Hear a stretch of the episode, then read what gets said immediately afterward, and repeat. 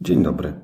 Nazywam się Michał Lisiecki i jestem twórcą artofsale.com.pl, platformy poświęconej sprzedaży. To, co za chwilę usłyszycie, jest zapisem audio mojego bloga. Nagrałem to dla tych, którzy wolą słuchać niż czytać. Każdy plik audio jest zapisem jednego miesiąca prowadzenia bloga. Dla tych, którzy chcieliby być na bieżąco z najnowszymi wpisami, a także z materiałami audio i wideo, zapraszam na stronę artofsale.com.pl. Zachęcam również do bezpośredniego kontaktu pod adresem kontakt małpa artofsale.com.pl. Życzę miłego słuchania i dobrej zabawy. Pozdrawiam, Michał Lisiecki. Luty 2012. Sprzedawca wymalowany na murze. 1 luty 2012. Czy można zwiększyć sprzedaż przez namalowanie na ścianie sklepu kilku wyrazów? Można. Pod warunkiem, że to będą odpowiednie wyrazy. Na starych kronikach filmowych często widać porozwieszane w sklepach, biurach i halach produkcyjnych różne tzw. Tak hasła propagandowe. Miały one wówczas zachęcić ludzi dobrej roboty do zwiększonego trudu przy tworzeniu poprzedniego ustroju. Na przykład budowlani, wykonujcie i przekraczajcie nowe normy, czy jutro socjalistycznej Polski budujemy dziś. Od ponad 20 lat mamy w kraju nową rzeczywistość ekonomiczną, do której zostały dostosowane hasła motywacyjne naszych czasów.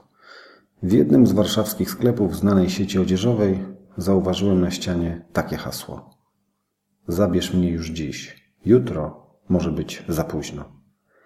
Poprawcie mnie, jeśli się mylę, ale uważam, że to zdanie wymalowane wielkimi literami i elegancką czcionką jest odpowiedzialne za 20 do 30% decyzji zakupowych podjętych w tym sklepie. Piękno i dyskretne działanie tego motywatora odnajdujemy w tym, że jego treść nie nawiązuje bezpośrednio do kupowania, jak prymitywne kup teraz. Hasło delikatnie szepcze nam do ucha: zabierz ten sweter, zaangażuj się emocjonalnie. Poczuj się posiadaczem tego ciucha. Jednocześnie przypomina, że rzecz, którą przymierzamy, może zniknąć, kupiona przez kogoś innego. Sugeruje, żeby kuć żelazo, póki gorące. Jest to bardzo dobra ilustracja zasady ograniczonej dostępności, tak często spotykanej pod inną postacią, tylko dziś lub oferta ważna do wyczerpania zapasów. Zasada ta zaś jest jednym z głównych czynników, dzięki którym ludzie dokonują zakupów. Obiecuję opisać ją dokładniej w jednym z najbliższych wpisów. Wracając do naszego hasła, sądzę, że gdyby zrobić ranking najlepszych sprzedawców pracujących w tym sklepie, to ten wymalowany będzie z pewnością w pierwszej trójce. Metoda takiego zachęcania klientów do kupowania nie jest jeszcze mocno rozpowszechniona, przynajmniej w tak wyrafinowanej formie. Skoro tak, to tkwi w niej wciąż spory potencjał, zanim stanie się tak powszechna, że ludzie przestaną ją zauważać. A zatem, drodzy marketerzy, do pędzli. Gry, granie, grywalizacja. 6 luty 2012. Wyobraźcie sobie następującą sytuację. W ostatnim dniu miesiąca wracacie do biura po wizycie u klienta. Witacie się z kolegami, siadacie za biurkiem i podnosicie wzrok na tablicę wiszącą nad drzwiami. Na tablicy widnieją nazwiska. Wśród nich jest wasze nazwisko, umieszczone na pierwszym miejscu, a obok niego znajduje się wartość planu sprzedaży, jaki zrealizowaliście w tym miesiącu. Czujecie ogromną satysfakcję, że to właśnie wy zdobyliście pierwsze miejsce. Wszyscy współpracownicy w firmie dowiedzą się o tym, a szef wręczy wam puchar przechodni, który będzie w waszym posiadaniu przez cały następny miesiąc. W duchu podejmujecie decyzję, że w przyszłym miesiącu również powalczycie o plan i wysokie miejsce w tabeli wyników. Opisana powyżej sytuacja pokazuje, w jaki sposób można zaprząc mechanizmy, które sprawiają, że gramy w gry do rzeczywistości realnego świata. Bo czymże jest tabela z wynikami jak nie Hall of Fame, umieszczoną w wielu grach, gdzie można wpisać swoje imię, jeśli zdobyło się odpowiednio dużo punktów w czasie rozgrywki. Czymże symboliczny puchar wręczony przez szefa, jak nie medalem zdobytym na wewnątrzfirmowej olimpiadzie. O wiele chętniej damy się wciągnąć w tego rodzaju współzawodnictwo, jeśli zostanie nam ono podane w formie gry.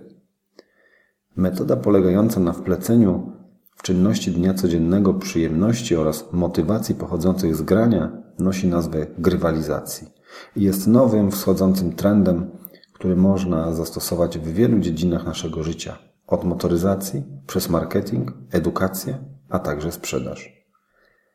Jeśli namiętnie zbieracie punkty na stacjach benzynowych, bijecie się wraz z zespołem o jakąkolwiek złotą patelnię lub status zawodowy wyznacza położenie waszego nazwiska w rankingu najlepszych handlowców, grywalizacja ma w tym swój udział.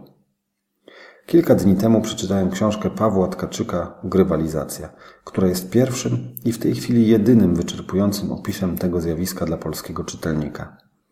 Po książkę warto sięgnąć z dwóch powodów. Grywalizacja zyskuje w świecie na popularności i ci, którzy wykorzystują ją w swoich działaniach biznesowych, zarabiają jak najbardziej rzeczywiste pieniądze. Po drugie, po przeczytaniu książki mogę zapewnić, że zastosowanie grywalizacji w pracy handlowca jest bardzo szerokie. Zarówno jeśli chodzi o pobudzanie motywacji do pracy, jak i pozyskiwanie decyzji zakupowych od klientów. Do zastosowań grywalizacji w sprzedaży będę na pewno powracał na blogu, ponieważ temat jest bardzo ciekawy i inspirujący. Wszystkich, którzy śledzą nowe trendy biznesowe, zachęcam do przeczytania książki i sprawdzenia na własnej skórze, gdzie już dziś korzystamy z dobrodziejstw grywalizacji lub w których momentach to my dajemy się wciągnąć do gry. Sześć zasad wywierania wpływu, które każdy handlowiec znać powinien. 8 luty 2012. Doszedłem do wniosku, że prezentując na blogu tematy mające wpływ na życie handlowców, dość często będę przywoływał zasady związane z wywieraniem wpływu społecznego, opracowane przez doktora Roberta Cialdiniego. Aby uniknąć opisywania za każdym razem, na czym polega działanie danej zasady wpływu i jednocześnie, żebyście nie musieli co chwila sięgać do fachowej literatury, postanowiłem omówić po kolei każdą z zasad w jak najbardziej przystępny sposób. Najbliższych kilka wpisów będzie zatem poświęconych tym zasadom. Jest ich sześć i są wynikiem wielu lat pracy, a także setek doświadczeń przeprowadzonych przez psychologów na całym świecie. Zostały zebrane przez wspomnianego Roberta Cialdiniego w jego najbardziej znanej książce Wywieranie wpływu na ludzi, teoria i praktyka. Oto sześć zasad wpływu społecznego. 1. Zasada wzajemności. 2. Zasada niedostępności. 3. Zasada autorytetu. 4. Zasada konsekwencji. 5. Zasada dowodu społecznego. 6. Zasada lubienia. W najbliższym wpisie pokażę pierwszą z nich zasadę wzajemności. Zasada wzajemności.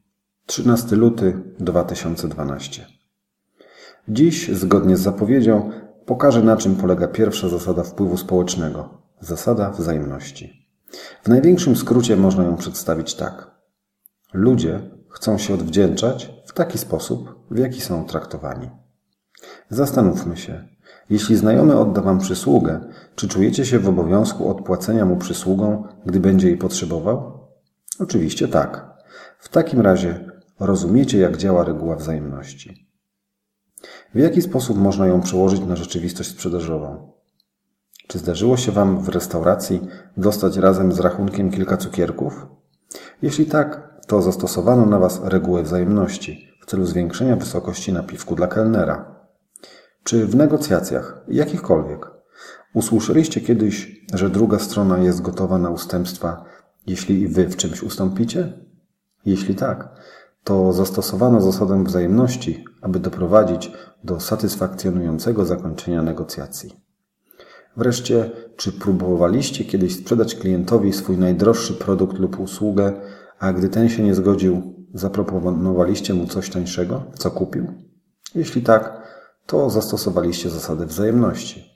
Wy ustąpiliście z proponowania drogiej oferty, a klient ustąpił i kupił niejako w podziękowaniu za waszą elastyczną postawę. Na zakończenie ważna wskazówka.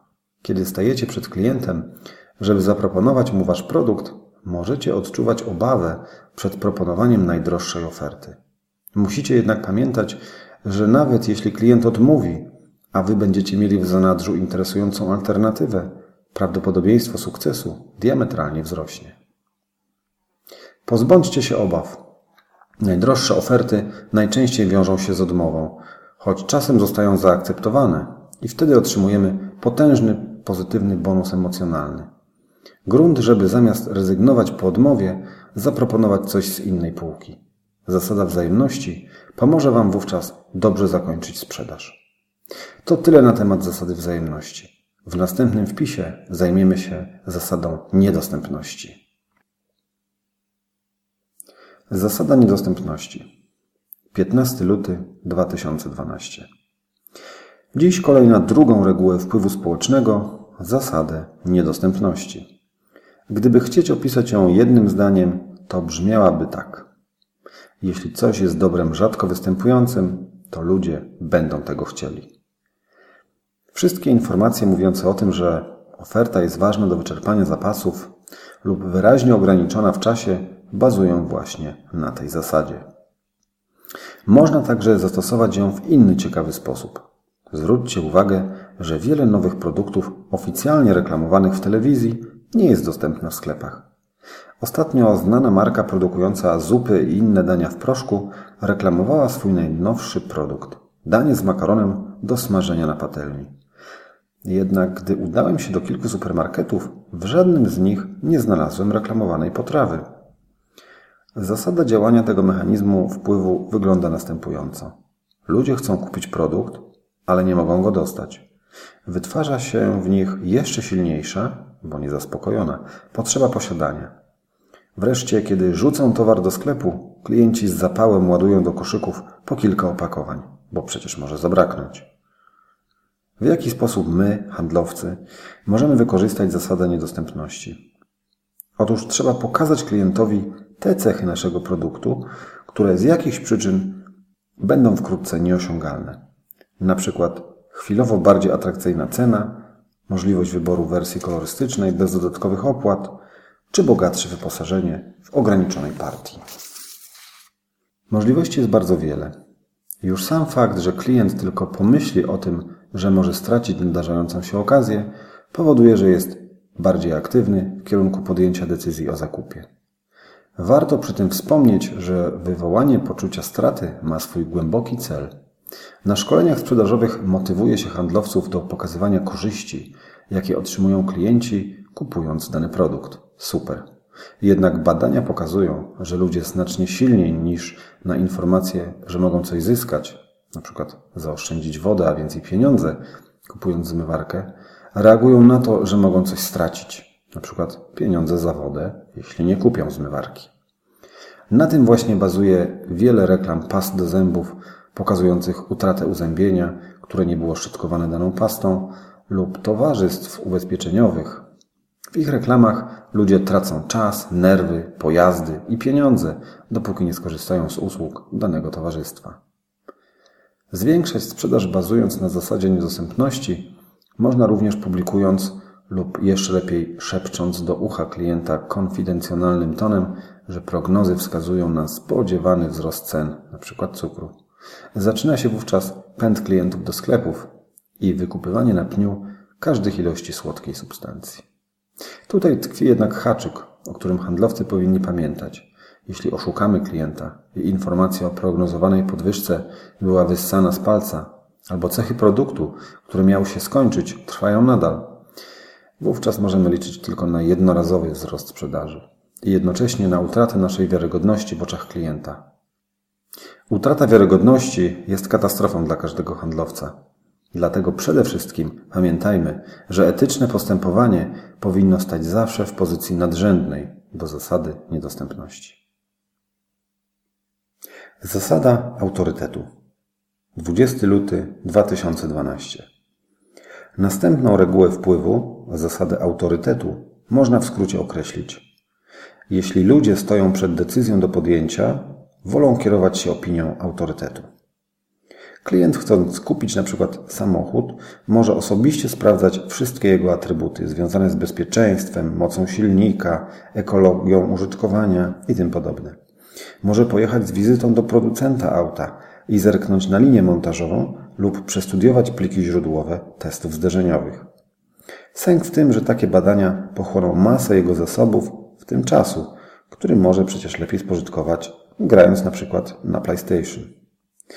Jeśli natomiast auto będzie polecane przez osobę lub instytucję będącą dla klienta autorytetem w kwestii motoryzacji, przykład popularnego kierowcy rajdowego czy ADAC, jest to znany niemiecki automobil klub, to chętnie klient pójdzie na skróty i da się przekonać autorytetowi. Dwoma najważniejszymi atrybutami, jakimi powinien cechować się autorytet są rozległa wiedza w danej dziedzinie oraz wiarygodność.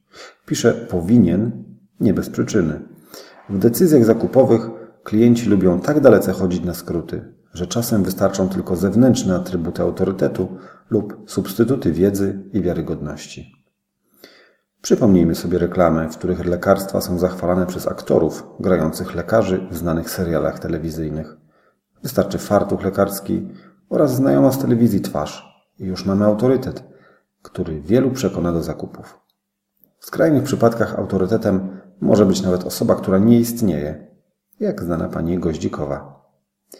Jeśli my, jako handlowcy, chcemy korzystać z zasady autorytetu, to mamy dwie opcje. Albo sami nimi będziemy, albo podeprzemy się autorytetem kogoś innego. Służą temu wszelkie certyfikaty, dyplomy, nagrody uzyskane przez naszą firmę lub produkt. Potrzebne są nam wiedza i wiarygodność. Co trzeba zrobić, żeby zdobyć wiedzę na dany temat? To chyba jest jasne. Trzeba przyswoić informacje o naszym produkcie. Co z wiarygodnością? Można ją budować powoli, stopniowo, w kolejnych kontaktach z klientem, jeśli mamy na to czas. Wówczas tak zbudowana wiarygodność będzie najbardziej trwała. Gdy nie mamy czasu, wówczas dobrym rozwiązaniem będzie osoba, która poleci nas klientowi i dodatkowo wspomni o naszych eksperckich atrybutach. Natomiast jeśli nie mamy nikogo takiego w pobliżu, również i na to jest metoda.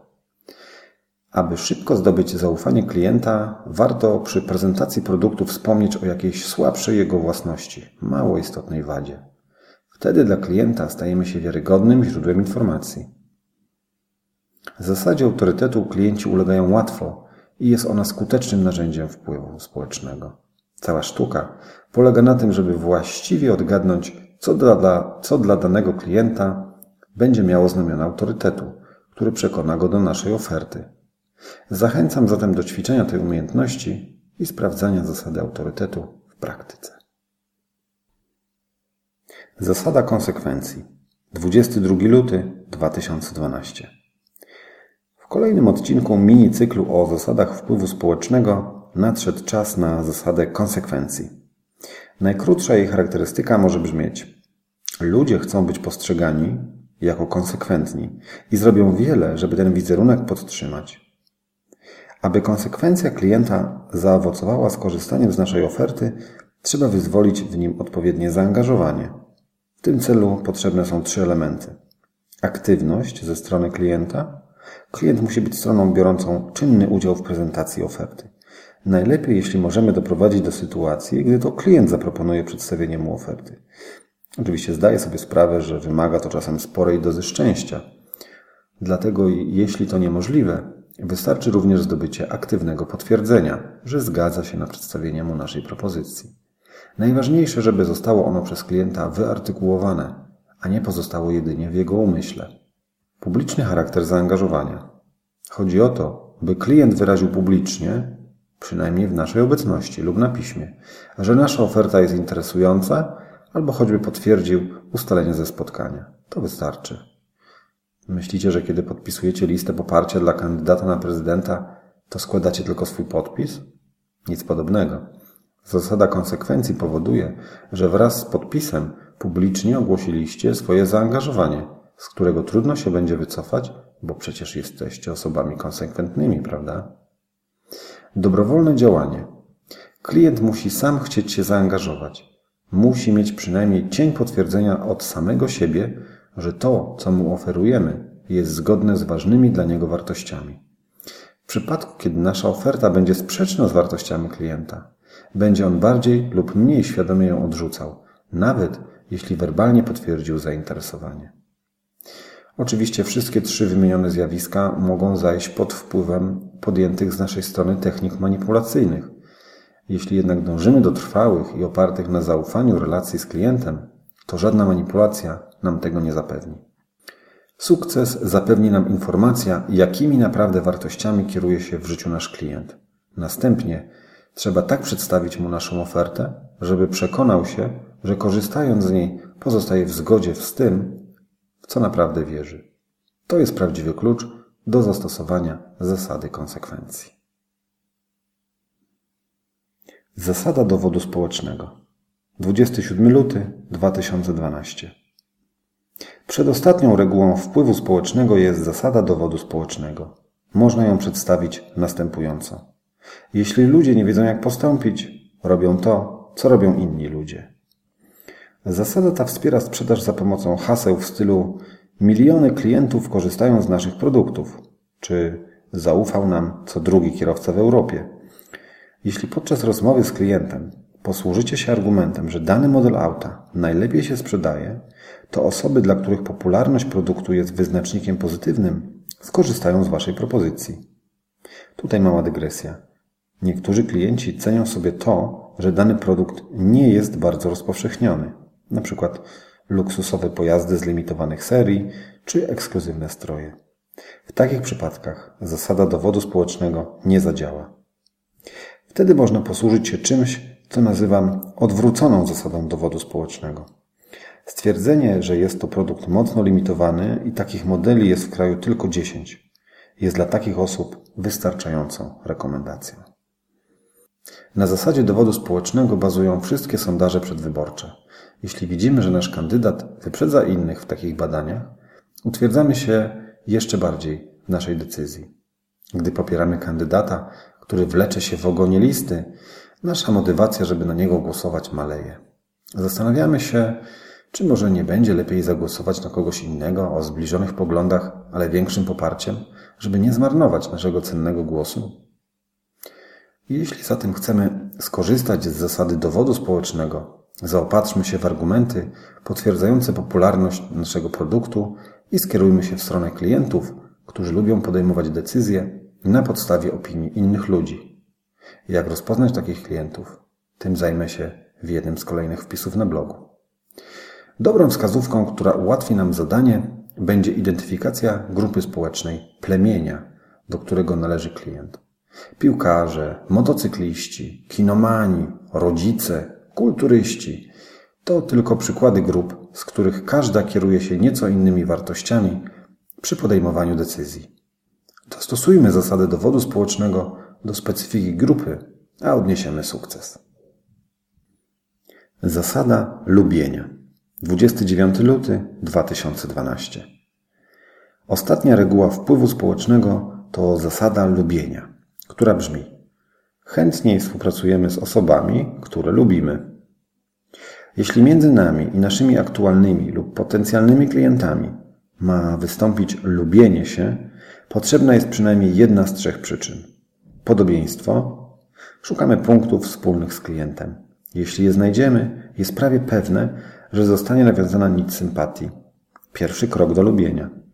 Być może wspólnie z klientem oglądamy te same filmy, uprawiamy te same sporty lub chociaż jeździmy tymi samymi samochodami. Handlowiec powinien mieć oczy otwarte na poszukiwania takich właśnie punktów styczności. Komplementy. Szczere komplementy pod adresem klienta, jego rodziny, domu spowodują, że zostaniemy polubieni. Po prostu lubimy tych, którzy lubią nas. Kooperacja. Jeśli razem będziemy współpracować nad osiągnięciem wspólnego celu, również możemy liczyć na polubienie się. Sprawdźmy zatem, czy droga nasza i klienta nie podąża przypadkiem w to samo miejsce. Jeśli nie podąża, zróbmy co w naszej mocy, żeby tak się stało. A teraz czas na najbardziej zaskakującą część zasady lubienia. Jeśli zależy nam na pozytywnej dla nas decyzji klienta, nie jest najważniejsze, żeby on nas polubił. Dużo ważniejsze jest, aby klient widział, że to my go lubimy. Wtedy będzie przekonany, że działamy w jego interesie i stoimy po jego stronie barykady. Ludzie wolą być lubiani niż sami lubić innych. Zastanówcie się, czy umieszczając swoje posty na Facebooku, bardziej zależy Wam na tym, żeby inni kliknęli lubię to na Waszym poście, czy też może wolicie klikać w posty innych.